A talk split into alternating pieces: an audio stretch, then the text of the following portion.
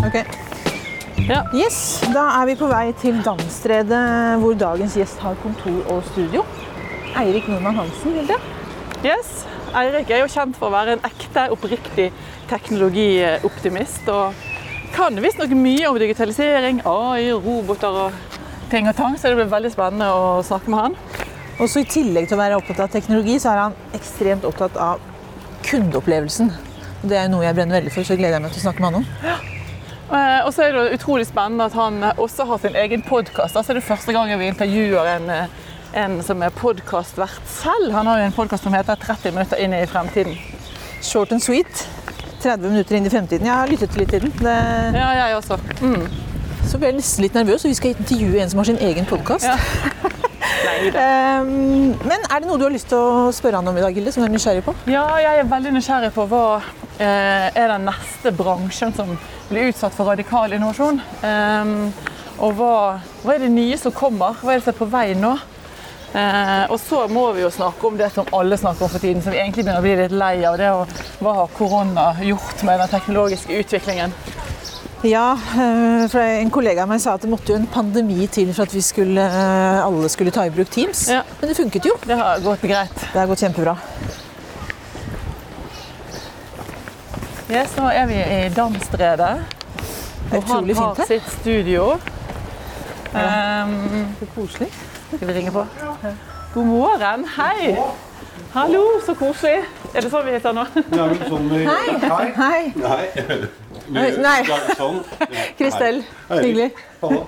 Jeg glemmer helt at liksom, Jeg er liksom ferdig med korona, jeg. sånn-? Jeg må videre. Vi må videre, liksom. Ja. Yes, takk for at vi fikk komme til deg i dag, Eirik. Bare hyggelig. Velkommen. Takk. Eh, Du, du har jo i din karriere sittet i toppledelsen i flere byråer, design- og innovasjonsbyråer. Eh, Men så, i 2019, eh, så bestemte du deg for å starte for deg selv. Fortell.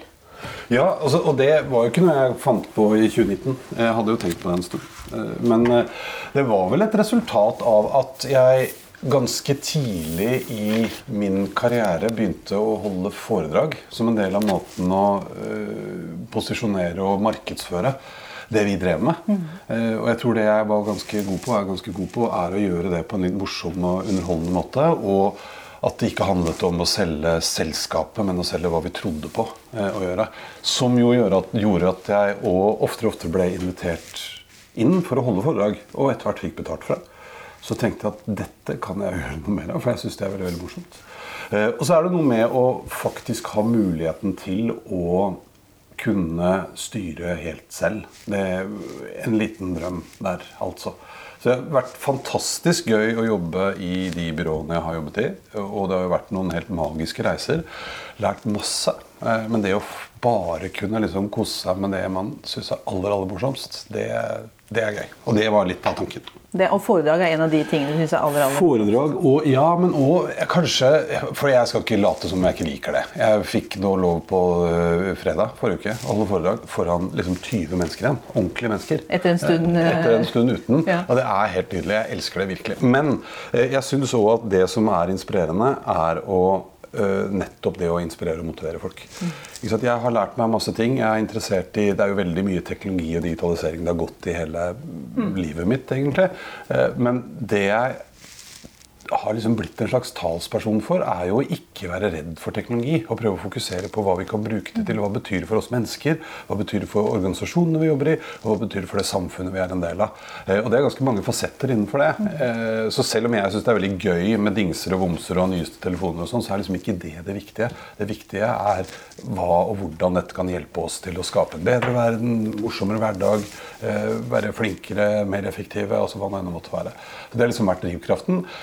Og da har det vært helt fantastisk å kunne jobbe i de byråene som har drevet med det. Liksom vært helt i front for å teste ut nye ting og være med på det som vi da etter hvert kalte for å digitalisere. Eh, og så kan jeg nå gå rundt og prøve å fortelle folk at det er ikke så farlig. Og det er lurt, og det kan være gøy, og det kan være nyttig, og det kan være spennende. Det er kjempespennende. Men det som jeg lurer på, da eh, for at Du snakker mye om teknologi og utvikling og digitalisering, og den utviklingen går jo ekstremt fort nå. Det er en eks, hva heter det? Eksponentiell eksponentiell, utvikling, ikke sant? Men hvor henter du selv eh, både inspirasjon og kunnskap om alt dette? Ja, Det er jo et veldig godt spørsmål. Nei, eh, jeg, er veldig Forrester-fan. Forrester Research. Leser Mm. veldig mye av det de gjør. eh, Og har vært eh, medlem, heter det vel ikke. Jeg hadde sånn eh, abonnement, heter det. Mm. eh, I mange, mange år. eh, Som også har gjort at jeg har blitt kjent med en del av de som jobber der. Så jeg får jo mye interessante samtaler med de. Men hva het igjen, sa du? Forrester. Forrester Research. De er liksom, du har Gartner, som er veldig og tradisjonelt vært veldig, veldig IT, mens Forrester var mer på anvendelse og markedsføring. Um, og så har jeg eh, et veldig tett eh, samarbeid med eh, Nå heter det da Kristiania. University College. eh, som tidligere var NITH, og så ble det Westerdals, og så ble det det. Eh, Blant annet en fantastisk professor her som heter Asle Fagerstrøm. Som jeg får lov å spare masse med. Eh, Og det samme litt med B. Altså En del av de institusjonene. Og så er jeg glad i å lese fagartikler. Jeg skulle ønske jeg var gladere, heter det? I Å lese bøker. Jeg er ikke så god på det.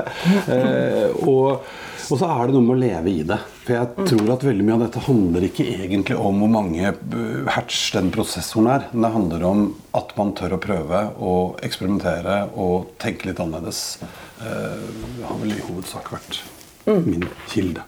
Men da er vi utrolig eh, interessert i hva er den neste bransjen ut som blir utsatt for radikal innovasjon? Eller Ja, hva, er, det, er det i consumermarkedet, eller er det business to business? Vi?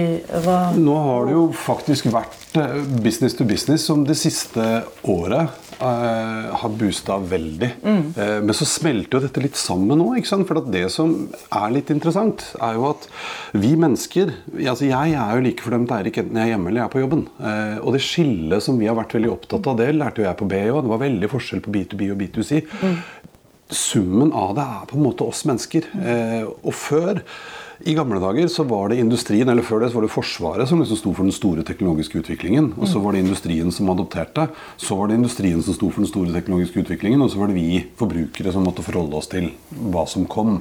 Nå har det plutselig blitt helt motsatt. Eh, ikke sant? Sånn at eh, det gjelder Folk har jo ofte nå bedre utstyr hjemme enn de har på jobben. Eh, og, eh, så, så jeg tror det skiller er borte. Jeg tror prinsippene er ganske like. Men, men den typiske sånn B2B, tradisjonelle B2B-bransjen er jo ikke en bransje. Det er jo mange bransjer. Ja, ja. Men den har nok eh, vært den som kom nå sist som en kule innenfor noen områder. Eh, fordi man har begynt å snakke om eh, Før snakket vi veldig mye om brukeropplevelse. Brukeropplevelse handlet i veldig stor grad om det du som bruker, uavhengig om du var en konsument eller en ansatt, møtte og brukte, og som gjorde at du eh, Nå snakker vi om end-to-end -end customer experience. Mm. For det er noe med at noen gjør noe her borte eh, som resulterer i at det settes i gang en eller annen prosess liksom helt ned på produksjonsnivå. Eh, Så det har blitt mye mer gjennomgripende. Eh, Og jeg syns òg at eh, så, så hvilken bransje Dette har jo liksom kommet litt sånn på tur, og det er både innenfor konsummarkedet og det offentlige. Eh, og de syns jeg vi er litt urettferdige mot innimellom, for de har faktisk vært innmari langt fremme innmari lenge. eh, Og gjort ganske store radikale grep som har fått store konsekvenser for hvordan vi gjør ting eh, i forretningslivet. Tenk på selvangivelsen. Skatteetaten er jo ja, ja, de Ikke er, sant? Ja, også, er bra han skatteetatdirektøren nå skal bli Nav-direktør. Ikke sant? Ja, ja, ja, ja, ja. Nei, men, men så jeg tror at øh, Og så har det vært sånn ikke sant? Byggebransjen øh, har jo vært, og er midt oppi kanskje en av de største omveltningene. Eh, PropTech. PropTech. For der går det òg ikke lenger bare um, i butikken hvor jeg som konsument skal kjøpe noe, men det er hele bransjen. Og det er forvaltningen av bygg, og det er utviklingen av by. Altså ja, PropTech, som du sa, innenfor der. Vi har uh, Å, nå sto det plutselig stille. Jeg tror det? Spaces? Er det? En veldig kul norsk bedrift som driver med AI og for å hjelpe deg å planlegge og utvikle et byområde, f.eks. Uh, hvordan du uh, styrer bygget, hvordan man forvalter bygget, eh, hvordan du legger til rette for at de som leier av deg, eh, får den opplevelsen de ønsker seg i bygget. Så det blir så altomfattende. Og så har vi jo midt oppi all denne galskapen da, fått en sånn sjokkdigitalisering nå pga. den Ja. situasjonen vi er oppe i, som òg jeg tror kommer til å bli ganske interessant. Eh, og det er jo alt fra hva jeg har hørt for noe, det er Noen som mente vi har hoppet 100 år fremover. Det tror jeg kanskje er litt Ja. drøyt. Ja. Men vi har i hvert fall gjort et, eh, ja, Ja. et eh, veldig, veldig sprang. For det er jo lettere, og Noen sier at det er lettere å gjøre innovasjon i, under kriser. Har vi sett mye av det nå, eller tror du vi kommer til å se en del av det? Ja, ja, det har vi helt klart, men så vet jeg ikke helt Noen ganger så blir jo ordet innovasjon kanskje misbrukt litt også. Fordi en av de tingene som har skjedd nå, er jo at eh, alle har begynt å bruke video. Ja. Eh, og, og det var en barriere. I februar så husker vi alle at man ble spesielt kalt inn til videomøter. Yes. Eh, og du visste at du kom til å bruke halve møtet fordi at eh, eh, Truls hadde ikke oppdatert, og Kari fikk ikke mikrofonen til å virke. Ja, ja? Og så i løpet av veldig kort tid så kunne alle det. Eh, og det er jo ikke ny teknologi. Ikke? Vi har bare tatt i bruk noe som har eksistert. Dette kalles faktisk for hyperadopsjon. eh, som er et litt sånn Én ting er at den teknologiske utviklingen går eksponentielt. eh, men det er ikke alltid vi tar det i bruk. For det er ikke alltid det er relevant for meg. Eh, og videokonferanse har i manges øyne ikke vært åpenbart relevant nok. da. Eh, Men i noen bransjer så har de jo jobbet sånn i mange mange år. ja, ja. IT-bransjen f.eks. Ja. Sitter i forskjellige land. Ja, men selv der. Ja, for det er der, altså. Mm. selv der. Jeg kommer jo fra å ha vært eid av ganske store børsnoterte, gode IT-konsulenthus, altså. Og det gikk ikke på skinner der heller. Nei. så det er noe med vanene og, og det at det faktisk eh, er, blir nødvendig av en eller annen grunn. Og oppi det så tror jeg vi har sett En ting er at man har tatt i bruk video, men jeg tror folk har blitt mye tryggere. Man tør å eksperimentere mer. Man tør å prøve. Fordi Først så måtte vi snakke sammen, og så måtte vi finne ut av hvordan vi faktisk skulle jobbe sammen.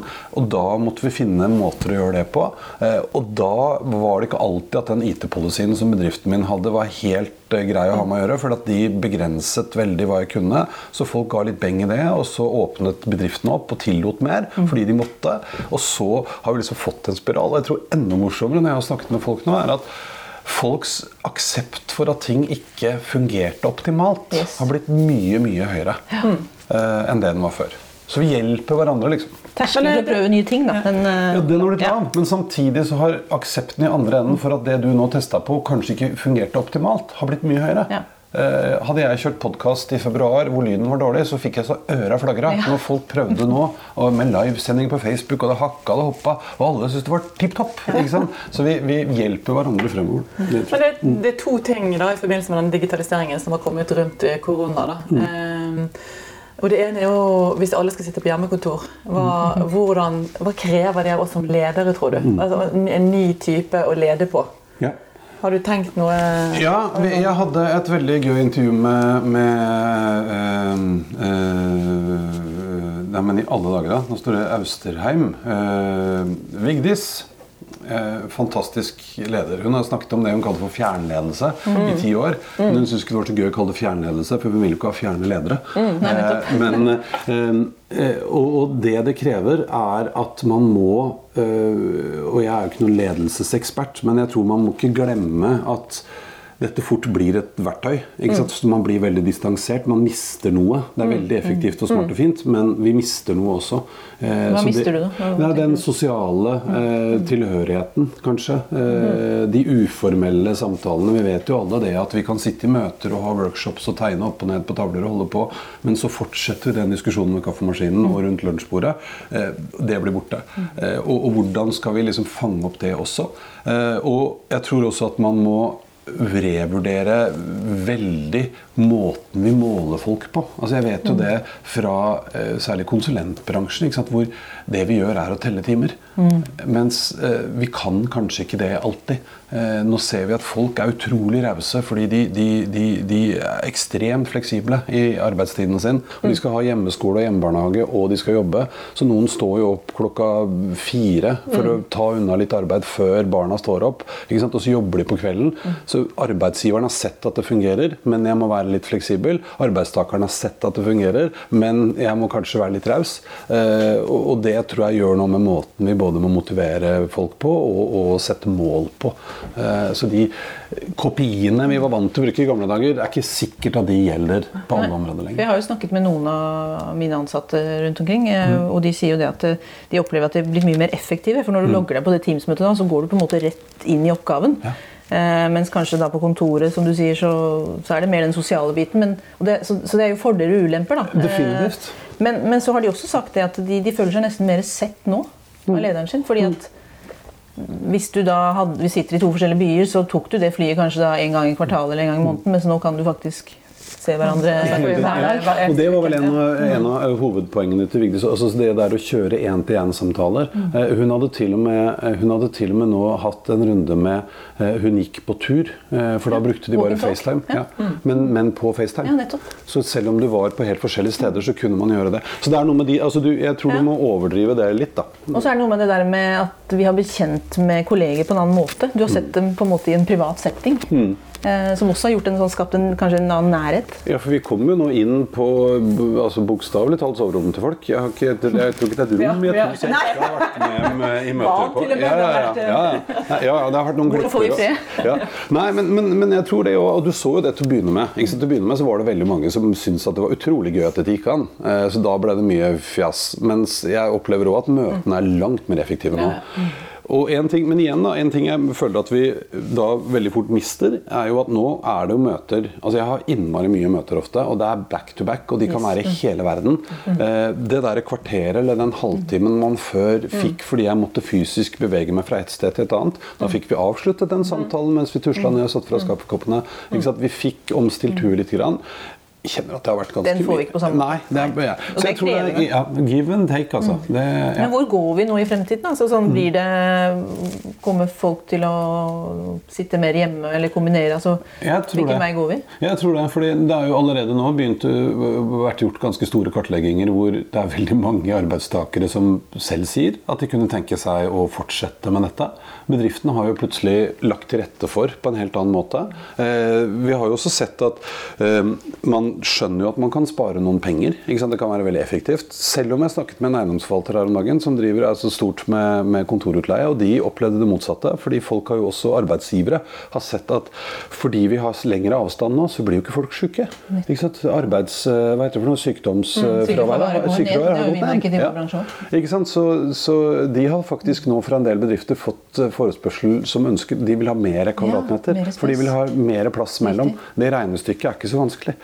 Men også interessante effekter på liksom, eh, altså miljøet til syvende og sist òg. Men eh, vi, hva var det det var? en- her må jeg få lov å si at jeg husker ikke tallet. Jeg tror det var 20% men ta det med en klype salt. Men hvis vi sier det er 20% av de som pendler hver dag, fortsetter å være på hjemmekontor, og det trenger ikke være de 20 samme prosentene, så løser man også rushtrafikk-problemet. Ja. Og vi bruker enormt mye tid på å sitte i kø på vei til jobben. Eh, og det er jo flere bedrifter som har begynt å snakke om det nå, at vi i fremtiden så skal kanskje bare eh, 80 eller 70 eller 60 eller 50 av arbeidsstokken være på kontor til enhver tid. Den andre gjengen skal være hjemme, og så skal vi rullere. Eh, fordi folk vil det, fordi vi ser det er bra. Det er bra eh, trivselen øker, det er bra for bærekraft, og det er bra for mange områder. Men det er én ting det ikke er bra for, da, og jeg håper i hvert fall at denne eh, teknologiske utviklingen eh, kan skape noen nye arbeidsplasser. Fordi det ikke er bra for, da, det er jo for alle de som jobber i servicebransjen. Små kafeer og restauranter, i kantinene våre. Eh, alle de menneskene som nå er permitterte, de vil jo ikke komme tilbake i jobb de, hvis vi slutter å reise, hvis vi slutter å gå på jobb og på kontor, og hvis vi slutter å kjøpe den kaffen på hjørnet, og hvis vi alle bare sitter hjemme, Ja. så er det en hel sånn eh, da, kommer vi, da blir arbeidsledigheten så høy som den er nå. Da kommer Ja. vi tilbake i jobb. Og det er selvfølgelig, Nå tror jeg ikke det kommer til å gjelde alle ting. For vi ser jo at er det noe folk er keen på nå, selv om vi har mye teknologi, eh, så er det å komme tilbake og møte folk. Det er sånn utrolig gjør deilig å komme Ja. tilbake. Det, Eh, vi vi har snakket med en her for litt siden som sa at det jeg gleder meg sånn til å komme for seint i møte igjen. det er noe med det. Kan komme for sent i Teams. Det går, men det er ikke det samme. Nei, ikke sant? Og, og jeg tror at vi har lyst de lover seg av, så da, da Ja, gikk du glipp av den. Ja, ja, ja. Og jeg tror at eh, vi, vi har lyst til det, men jeg tror at vi i større grad kan da velge hvilke møter jeg har lyst til å prioritere. Ikke sant? Jeg trenger ikke å ta det kvartalsmøtet til Bergen, eh, eller det standup-møtet som jeg har drevet med. Jeg har reist til Stavanger for å være med på halvannen times workshop. Ikke sant? Det er ikke nødvendig. Eh, en annen litt gøy ting som jeg eh, mener at eh, jeg husker skjedde ofte, var at vi var en fire-fem stykker som hadde avtalt møte. Og så var det en som plutselig ble forhindret. Satt fast, flytoget gikk ikke. Mm. ikke? Da flyttet vi hele møtet. Det kommer ikke til å skje. Nei. Da tar vi Teams-møte. Mm. Men jeg tror det var et Men jeg tror ikke det er svart-hvitt. da, uansett. Nei. Som du sier, Hvis vi klarer 20% at man kan være litt fleksibel og rullere osv., så, så tar vi vare på samfunnet. Og Men innledningen til spørsmålet mitt var skaper disse endringene vi står oppe nå, også noen nye jobber? Det gjør det helt sikkert. Eller hvilke jobber eh, kan de ha, alle de som ja, nå Ja. er Nei, ja, men, og det, det tror jeg er eh, et større dilemma. Mm. Fordi at ikke sant, den, den litt sånn dårlig, holdt på å si, naive holdningen om at forrige gang det var en industriell revolusjon, så, så skapte det flere jobber enn det tok, Mm. Ja. det gjør det helt sikkert nå også. Regnestykket. Men du kan ikke omskolere Mm. Nei. en eh, kantinemedarbeider til å bli algoritmeekspert over natta. Ikke sant? Det går ikke an. Eh, så jeg tror at der har nok vi vært litt på hæla, og man har utsatt litt for lenge Mm. å å legge til rette for å tenke på hvordan skal vi For det kom til å komme, og så kom det litt fort akkurat nå, og så kommer det sikkert litt tilbake igjen. Eh, men det tror jeg er en viktig ting for fremtiden. At vi legger til rette for den endringen som vi vet kommer. Fordi vi kan godt ønske oss at en del yrker ikke skal bli borte, men mange av de vet vi kommer til å bli det. Og da kan vi jo kanskje begynne å gjøre noe med det nå. Det er noe, unnskyld. Ja, vær så god. Snakker vi med ja, for jeg har hørt deg si at uh, du mener at fremtiden vil frigjøre tid hos oss mennesker. Ja, Det fordi- er interessant. Ja, fordi, og dette har vi jo snakket om. Jeg vet at jeg blir skutt noen ganger når jeg sier det, for det har man jo snakket om siden datamaskinen ble funnet opp, eh, og så ble det ikke sånn. Eh, Men jeg er helt sikker på at hvis jeg ser på arbeidsdagen min i dag, arbeidsuka mi i dag, eh, så er det den er mer produktiv, mye mer produktiv enn den var for f.eks. 20 år siden. Jeg husker at når jeg kom ut av BI, så brukte jeg mye tid på sånn Jeg satt, lagde hull i papir og puttet inn i permer og sorterte. Det var mye manuelt arbeid som har blitt borte. Så datamaskinene vil ta over noe Ja. Og så tror jeg at, sånn Nå ser vi jo at innenfor enkelte områder sant, så får vi større frihet. Vi er ikke så opptatt av den fleksibiliteten lenger nå for å kunne jobbe mer overalt. Vi er opptatt av den fleksibiliteten for å kunne gjøre andre ting. Og Det gjør òg at jeg kan flytte jobben eh, sant, et annet sted. Jeg kan også en annen tid på døgnet. Hvis jeg har lyst til å gå hjem eh, til lunsj og hente barna i barnehagen eh, og dra i Frognerparken, så er det fullt mulig. Og så kan jeg gjøre jobben min på ettermiddagen eh, for mange. Det gjelder ikke alle yrkesgrupper, men for mange. Eh, og jeg tror også at etter hvert som vi ser nå at kunstig intelligens blir smartere og smartere, tar større del inn i, i eh, manges jobber, eh, så vil jo produktiviteten min være den samme, men jeg kan gjøre den jobben på færre timer. Og da kan jeg velge å bruke de timene til noe annet. Og så er det noen som da vil bare jobbe mer. Jeg kjenner at jeg er nok kanskje litt sånn sjæl, mens andre vil velge annerledes. Så jeg tror muligheten for at vi, vi sånn fremover i tid vil kunne oppleve det, eh, er jeg ganske sikker på kommer til å skje. For teknologien alene er jo ikke verdt noe. Nei. Eh, Menneskene betyr jo en uh... Masse. Eh, og jeg tror òg det er en smart fyr fra MIT som heter Erik Brynjulfsson. Eh, og han er veldig opptatt av hele tiden, og han er superfan av roboter og kunstig intelligens og automatisering og alt det der, men veldig opptatt av å hele tiden repetere at en jobb er ikke én jobb. Én jobb er en masse oppgaver. Noen av de oppgavene kan datamaskinen gjøre, andre bør kanskje datamaskinen hjelpe meg med å gjøre, og noe kan jeg bruke tid på. Som ikke Eh, datamaskinen som kan- ikke datamaskinen kan gjøre. Eh, og da eh, kan man jo si at hvis det er tilfellet, og jeg da kan gjøre jobben min på halve tida, så kunne jeg jo i prinsippet ha gjort noe annet da, eh, den andre halvparten av tiden. Eh, jeg tenker jo, eh, Veldig mange snakker om folk som ja, de har sånn gründergener og alt mulig sånt. Så tenker jeg, men så tenker jeg også at innovasjon kan læres. Eh, sånn at man, man burde vel kunne begynne med å lære elever allerede i ungdomsskolen innovasjon. På en eller annen måte. Ja. Eller lære, oss, lære de å, altså, å skape. fordi at um, hvis du er i en jobb i dag og plutselig har blitt arbeidsledig eller har lyst til å begynne for deg selv, altså, hvor skal man begynne da? sant? Hvis man hadde hatt noe sånn bagasje med seg fra Ja. så jeg tror ikke samfunnet har lagt opp til på en måte at man skal starte for seg selv. Man har lagt opp til at man skal lære seg et fag, og så skal man eh, eller en profesjon, og så skal man eh, gå inn i det etablerte næringslivet. Så hvordan kan vi lære folk å starte for seg selv? ja. Tørre å prøve. Tørre å prøve. Ja, men jeg tror det er noe med det. Mm. og, og jeg tror det er noe med å, å, å lære bort metoder for å eh, litt systematisk kunne utfordre eh, det man driver med, eller det etablerte. For det er jo litt ikke sant? Vi, vi bruker mye tid på å lære oss ting. Vi vet jo det fra, i hvert fall fra min bransje, at veldig ofte når folk kom nyutdannet fra NTNU, det første vi måtte gjøre, det var å lære dem det som gjaldt akkurat nå. For det hadde de ikke lært på skolen ennå. Ja. Eh, Så, så det tror jeg helt sikkert. Og mange skoler har jo begynt med det. Eh, Det kommer jo sakte, men sikkert, men litt for sakte. Eh, Og du kan jo også sånn Trenger alle å kunne lære å programmere? Nei, antagelig ikke. Men er det lurt at folk har et eller annet forhold til det og forstår hva det er? Ja, antagelig. Ikke så dumt. For at det blir en så viktig del av, av fremtiden. Og så tror jeg fortsatt at vi, vi skal også dyrke de talentene vi har. For folk er talenter på forskjellige ting. Og noen er flinkere til å finne opp nye greier enn andre. Andre er veldig komfortable med å forholde seg til liksom, dette skal jeg gjøre, og ferdig med det. Og de trenger vi antagelig mange av innenfor eh, mange forskjellige områder. Og så trenger vi noen som er med på å utfordre litt eh, det etablerte. Men at man skal legge til rette for det, altså gjøre om litt. Det er jo hva heter han da? Sir Ken Robinson, som er verdens, den mest sette eh, TED-talken ever. Eh, er en, han er professor i eh, pedagogikk eh, og sluttet Han jobbet på et eller annet veldig fornemt universitet i England. Sluttet i protest mot måten man har undervist på i hele verden. Det er matematikk og realfagene som er viktigst. Og så kommer alt det andre. har vært litt sånn fjas man driver med med valgfag. Eh, og så viser det seg nå, altså bare se på begrepet design, som før ble forbundet med noe sånn tegnetøys. Det har blitt noe av det viktigste man gjør. Han eh, Christensen fra eh, ikke Harvard, men fra hva heter det for noe? Store universitet i USA. Dårlig på navn i dag, kjenner jeg. Mandag, vet du. Ja. Nei, ikke MIT. Eh, jeg kommer snart. Stanford. Takk.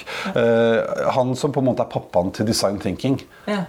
En av verdens mest anerkjente designbegrepet har fått en helt annen betydning. For det handler ikke om å tegne gøye ting. Det handler om å eh, tenke på hvordan vi lager eh, og, og, og utfordrer løser etablerte og løser pains og games. Ja, ja. For du har jo veldig hørt noen intervjuer med deg hvor du snakker om sprintmetoden. Ja. Fortell litt uh, hva det er i forhold til tradisjonelle Ja, Den veldig sånn tradisjonelle måten å gjøre ting på har jo vært at jeg har kommet og bestilt noe av deg, og så har du prøvd å beskrive så godt du kan hva jeg har tenkt at du skal lage, og så ses vi om seks måneder, og så har du antagelig ikke laget det jeg hadde tenkt til. Og Det kaller man jo ofte for fossefallsmetoden. Og ting har forandret seg på de seks månedene. Ikke sant. ja. Eh, og, ja, men er jo også både at det har forandret seg, Ja. eh, og at det er vanskelig å forstå så mye på en gang. Eh, så sprintmetoden handler jo egentlig om å bare dele opp eh, ting i mye, mye kortere leveranser eh, og gjøre bitte litt av gangen. eh, Og, og være enige om at det, det funker, og hvis ikke det funka, så gjør vi om. Ikke sant? Så du får ikke så store leveranser eh, eller agil eh, tilnærming. Så man porsjonerer opp litt. Grann. Og så har du da oppå der noe som heter design sprints, eh, som rett og slett er Det var en fyr i Google som etter hvert starta for seg selv, som laget et opplegg, og det er et ganske rigid opplegg, faktisk, som går over fem dager. Og i løpet av de fem dagene så har du kommet opp med løsning på et problem. Du har lagd en prototyp eller to, du har faktisk testa den på noen brukere, eh, og du har en ganske godt eh, belegg for å si om denne prototypen fungerte eller ikke. Eh, Og som har vist seg å være ekstremt effektfullt.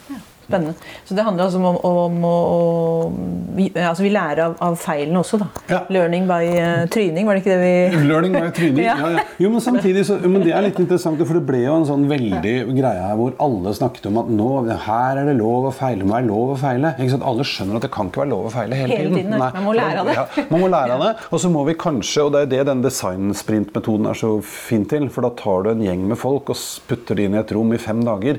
eh, Og i løpet av ganske kort tid så kommer de opp med et forslag som de har testet, og som de ser om er verdt å gå videre med eller ikke. ikke sant? Så man kan få lov å feile i litt avgrensa rom eh, uten at det skal gå utover alt annet. Det handler jo om- mye også om å tørre å ta noen beslutninger og ikke ta noen i det hele tatt. Ja. For å liksom komme videre. Mm. Så spennende. Ja, det er, eh, Jeg kunne snakket mye om eh, altså dette med teknologi og digitalisering, og hva menneskene egentlig betyr for det. fordi at det handler jo veldig mye om kultur. Eh, Og lykkes med det, sånn som Hilde var inne på. Hva, hva betyr det for oss som ledere? eh, ikke sant? Hvordan, så er det mye endringsledelse Mm. i, eh, i nettopp det at vi skal klare å ta i bruk teknologien. Ja, ja. Og hvordan kan den hjelpe oss. Ja, og det er jo det eh, igjen da, tilbake igjen til dette litt morsomme hyperadopsjonsbegrepet, Mm. som egentlig viser Og det er da en som heter eh, James McQueevy forrester som har funnet opp det begrepet, mener jeg å huske. Eh, og det handler om at menneskets eh, evne til å forstå teknologi, den har blitt større og større. Eh, og når jeg ser at det kommer noe nytt, f.eks., Mm. og jeg ser at dette tror jeg kommer til å gi meg nytte eller verdi, eller gjøre jobben min enklere, eller hverdagen min bedre, eller hva det enn måtte være, så har jeg lyst til å prøve det. Eh, og når jeg har prøvd det eh, og ser at det funker, så har jeg adoptert det eh, og tatt i bruk. Det som har vært utfordringen ofte i bedrifter, er jo at man har hatt veldig firkanta IT-regimer, IT-policies. ikke sant? Nei, det er ikke lov. Nei, vi har bestemt oss for.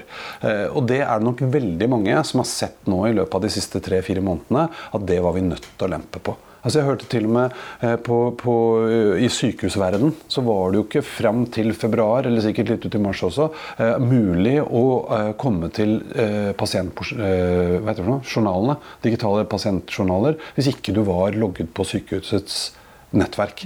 Nå er det det. For der har de også hatt folk hjemme. Forskere som har eh, da plutselig kunnet gjøre jobben sin hjemme. Man har lempet, og man har sett at det går. Og det er klart at Jeg skjønner det jo, for du har ikke lyst til å være han eller hun IT-sjefen som tok den beslutningen, og så gikk det på trynet. Eh, Men, men nå blir man tvunget til det, og så løser det seg som regel hvis man gjør det ordentlig. Og det å slippe opp litt for bedriften òg, for det handler jo om å legge til rette for. Hvordan skal jeg få prøvd nye ting hvis jeg ikke får lov å prøve nye ting? Det sier seg på en måte litt selv. Eh, og det er liksom ikke nødvendigvis Det kan jo være med på å drepe den kulturen, da, som kanskje ofte har lyst til å prøve nye greier, men de får ikke lov. Og det er vanskelig, og det er uh, guffent å spørre, og jeg har ikke lyst til det. Og, ja. Men apropos nye greier, da. Eh, vi har jo eh, lest om deg at du har en eh, Jeg har lyst til å ha en chip under hånden. Ja. Inni hånden, inni, under huden. Og det har vi lest at du har. Ja, jeg har faktisk Hva- tre stykker nå. Jeg er tre- hvor sitter de? Du, jeg har en, Den første den sitter her ved lillefingeren på venstre hånd. og den andre den sitter her mellom tommelen og pekefingeren.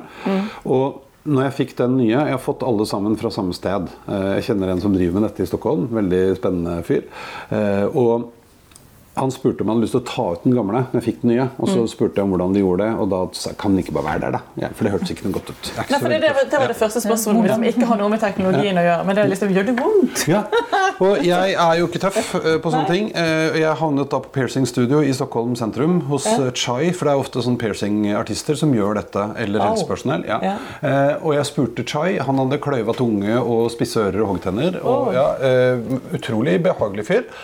Og han svarte egentlig ikke, så han bare gjorde i stand, og så kom han med den nåla. Og jeg vet at eh, jeg har vist, jeg har en film hvor den blir satt inn. Eh, Og jeg har skjønt at hvis man har sånn p-stav, så er det ganske lik den sprøyta. For det er jo en ganske altså det er jo litt stort riskorn som skal skytes inn. da.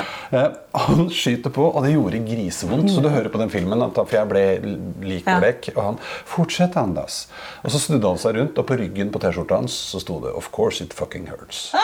Hva trodde du? Jeg skal stikke en heklepinn Men Sitter den rett under huden, eller er det ja, sånn- Den her er ikke så lett å kjenne, men de her er faktisk det. Den kan du til og med se. Ja, der. Ja. På størrelse med et riskorn? Ja, det ikke litt stort, eh, nei, litt stort den, ser du der. Litt stort riskorn. Ja, det var et stort ris. Det var to-tre riskorn. Hva gjør de? Altså, hva er det de disse her, de jeg har her nå det? Nei, disse her kan jeg faktisk eh, Jeg kan eh, låse opp døra på Episenters kontor i Stockholm og i Oslo. Jeg kan eh, betale i kantina og i kafeen her, her i Oslo. Veldig gøy. Det er ofte nye folk som står i den kafeen. Og det er veldig morsomt å betale med hånda, for de ser jo at betalingen er ok. Men de Hva var det du gjorde nå? Ja. Og så kan jeg låse opp på en skapet mitt. Og så har jeg lagt inn visittkortet mitt på den ene, eller lenke til nettsidene mine. Da. Eh, og den ene er veldig gøy, for at nå har jo de aller fleste telefoner eh, har jo sånn eh, på seg. Sånn at eh, når jeg tar den over nå, så ser dere nå at det lyser. Det er veldig gøy. Den lyser, den ene her. Og da kommer det opp en lenke, og hvis jeg går inn på den, så kommer jeg da rett og slett inn på nettsidene mine. Da. Eh, Så, og, men dette her er jo det som heter NFC, som er det samme som det står for Near Field Communications. Som er det samme som er i eh, vanlig adgangskort. Ja. Så adgangskortet eller sånn brikke som man ofte har på jobben. Komme inn på kontoret, printe ut, eh, betale i kantina. Det er et sånn NFC-kort. Når vi driver og tapper i butikken, Det er NFC-teknologi. En måte å spare tid på. ja, unnskyld. Ja. Hva? Nei, bare sier, det, det er jo en av de måtene som gjør at vi får frigjort tid. Ja. Ikke gå ned og hente, taste kode osv. Ja, absolutt. Ja. Men jeg bare tenker også på den store eldrebølgen. Ja, det må jo være fantastisk og når de ikke husker koden sin eller skal Ja. gå inn og ut av dører. Og ikke minst trekke de da, hvis man får lov å ha GPS på de, alle de demente. Ja, men nå går ikke det, for det er litt viktig. For det, NFC-teknologi, det som er fantastisk med den, er at den er ganske dum. Eh, Det ligger noe informasjon på denne brikken eh, sammen med nøkkelkortet ditt. Og når jeg tar den inntil, sånn som jeg gjør nå på telefonen, eller en kortleser, så er det jo strøm i kortleseren. Det er jo ikke strøm i chipen. Men det oppstår da en induksjonseffekt som gjør at det blir nok eh, Det genereres nok energi i chipen til at informasjonen blir lesbar. Og så sjekker den det mot et eller annet backend-system og ser at det er riktig nummer. Lukk opp døra. Mm.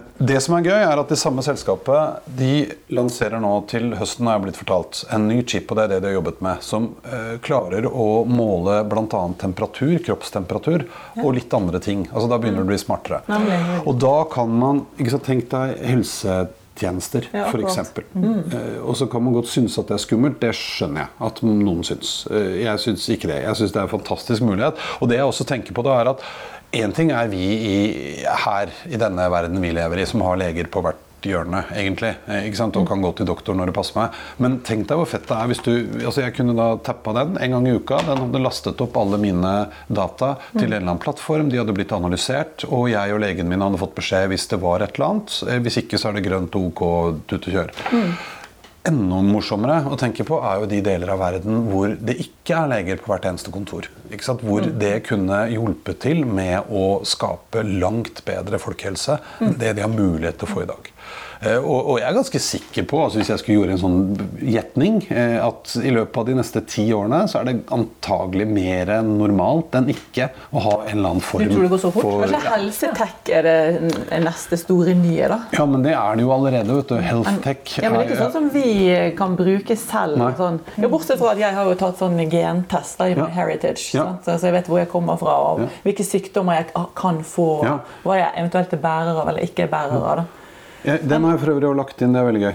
For du kan laste ned den rå DNA-filen. Ja. Så jeg har lenke til den. Ja.